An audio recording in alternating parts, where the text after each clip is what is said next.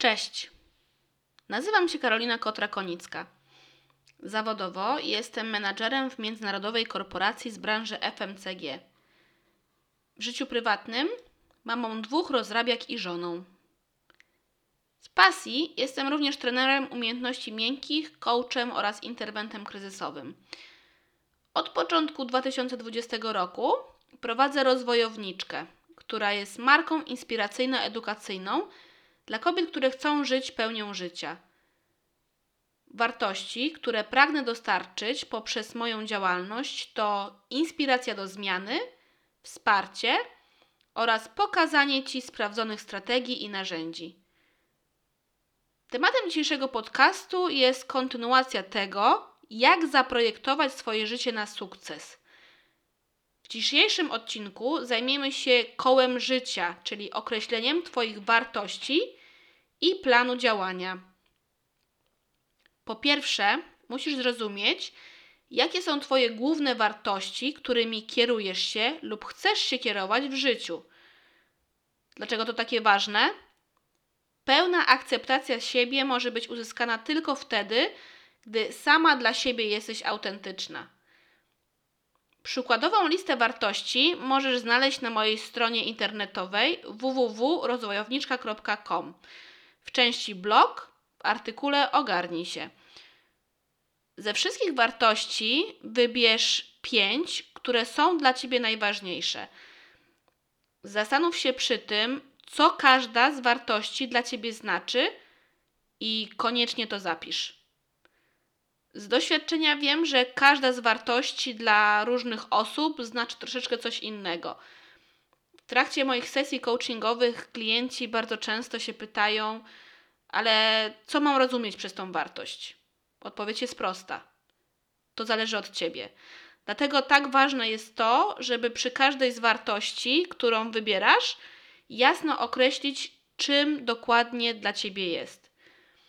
Przy tej części ćwiczenia polecam również wrócić do podróży bohatera z zeszłotygodniowego podcastu. Zastanów się nad poniższymi pytaniami. 1. Co było dla ciebie najważniejsze w trakcie podróży bohatera? 2.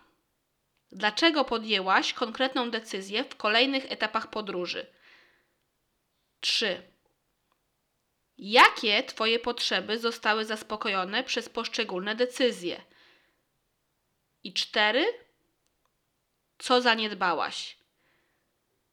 Następnym krokiem jest wpisanie wybranych wartości do koła życia, które również znajdziesz y, u mnie na stronie internetowej, którą podałam Ci już wcześniej. Niech jedna ćwiartka reprezentuje jedną konkretną wartość. Po uzupełnieniu koła życia wykonaj poniższe punkty. Punkt pierwszy.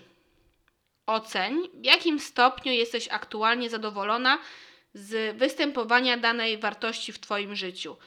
Zaznacz na skali od 1 do 10. 2. Pomyśl, co dana ocena tak naprawdę dla Ciebie znaczy. Co musiałoby się wydarzyć, żebyś była na poziomie plus 1, minus 1? Znowu, zapisz to. I krok ostatni Wykonaj powyższe czynności dla wszystkich swoich pięciu wybranych wartości. Dlaczego te kroki są takie ważne? Dzięki nim będziesz w stanie określić, gdzie aktualnie jesteś i zrozumieć, czego ci brakuje, żeby być wyżej w swoich wartościach, ale też zrozumiesz, jak dużo już osiągnęłaś, będąc w konkretnym miejscu. Ostatnim krokiem jest decyzja, na jakim poziomie chcesz być. W tym miejscu pamiętaj, proszę, że nie musisz w każdej z swoich wartości być na poziomie 10. Pomyśl sobie na spokojnie, jaki poziom będzie Cię satysfakcjonował na przestrzeni następnego roku. W końcu jest tak, że pewne z tych wartości będą dla Ciebie ważniejsze od innych. Zaznacz poszczególne wartości na kole życia innym kolorem. Wiedząc, gdzie chcesz być, możesz się teraz zająć stworzeniem konkretnego planu, który pozwoli Ci na przejście z poziomu X na poziom Y. dla każdej z Twoich wartości. Nim jednak przejdziesz do zadania, warto, żebyś poznała koncepcję ustalania celów SMART.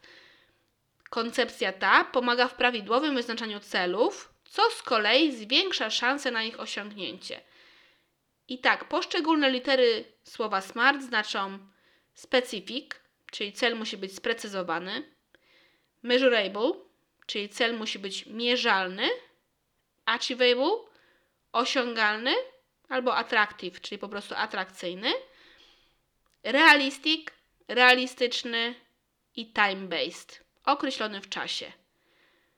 Czyli jeszcze raz, cel musi być sprecyzowany, mierzalny, osiągalny oraz atrakcyjny, realistyczny i określony w czasie.